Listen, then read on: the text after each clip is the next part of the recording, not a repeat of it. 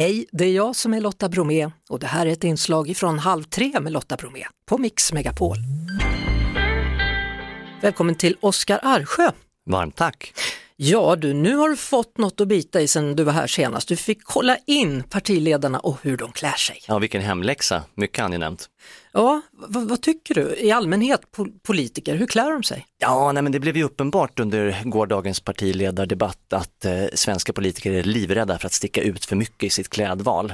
Men jag tycker ändå att det finns några saker att ta fasta på och uppmärksamma. Så jag vill rikta stilens strålkastare mot, mot fyra specifika punkter mm. och börja där med Magdalena Andersson som med sin blåa dräkt och Sverige pin, en svensk flagga som pin, spelade an på den här lite landsmoderbilden hon lyckades måla upp i början av Ukraina-krisen där.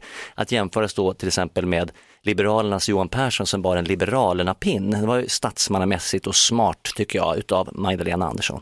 Mm. Sen Märta Stenevi, förut hade ju miljöpartister kofter. Hon tyckte jag igår lyckades väldigt bra med att få samma signalvärde men att ta med sig det in i finrummet med en stark symbolik i en grön klänning med vita batikprickar nästan på. Utan då att bli alienerande. Det tyckte jag var, det var snyggt gjort. Ulf Kristersson då, Uffe som vi kan kalla de här, han är ju kan mycket väl vara Sveriges genom tidernas bäst klädda politiker. Det syns att han gillar stil, han har ett eget genuint intresse och han har konsekvent under valrörelsen kört med uppkavlade ärmar. Vad betyder det? Ja, det är såklart att han vill då signalera att han är redo att ta tag i problem och hugga i för det som han tycker att Sverige behöver. Mm. Men, men jag tycker alltid att han, han klär sig bra och det är roligt att uppmärksamma de här små detaljerna som uppkavlade ärmar. Sen tycker jag sist och inte minst då Ebba Busch som är den modigaste när det kommer till kläder och så även då i gårdagens partiledardebatt. Hon vågar vara feminin och lite järv med höga klackar och snyggt skuren kostym och en överdel som inte går hela vägen upp till halsen som många av de andra kvinnliga partiledarna har. Så är det någon som går i bräschen för hur man kan klä sig som modern svensk kvinnlig politiker så tycker jag att det är hon. Spännande. Ebba Busch har ju tidigare också jämförts då med Pamela Anderson efter att hon hade på sig då ett tajt rött linne. Och det kanske var lite väl mycket, eller? Nej, jag tyckte det var kul. Jag tror ju att det var väl instoppat i ett par jeans och under en vit linneskjorta. Så det var ju verkligen en journalist som letade efter någonting där. Mm. Men, men det är väl bara roligt om politikerna sticker ut lite grann. Jag snacka om att sticka ut då. När Magdalena kom i sin välknäppta blåa kappa med hög krage så kom eh, Finlands Sanna Marin i, i, en läderjacka. Ja. Vilken kontrast! Ja men verkligen och jag tycker att det är lite härligt ändå, är det inte det? Jag tror att svenskar och överlag folk runt om i världen är trötta på den stereotypa gråa politikern. Man vill ha politiker som klär sig lite grann som vi, vi vill se vanliga människor. Mm.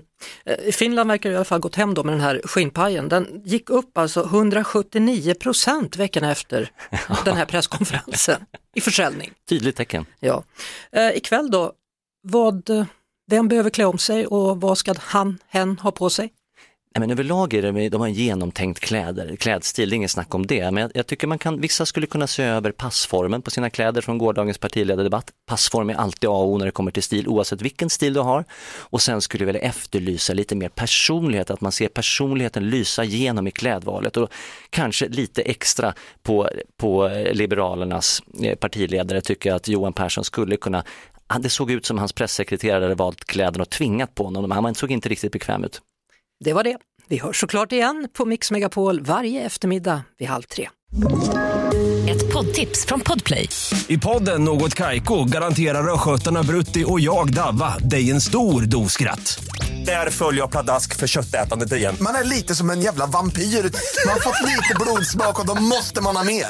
Udda spaningar, fängslande anekdoter och en och annan arg rant. Jag måste ha mitt kaffe på morgonen för annars är jag ingen trevlig människa. Då är du ingen trevlig människa, punkt. Något kajko, hör du på podplay. Därför är gardinerna.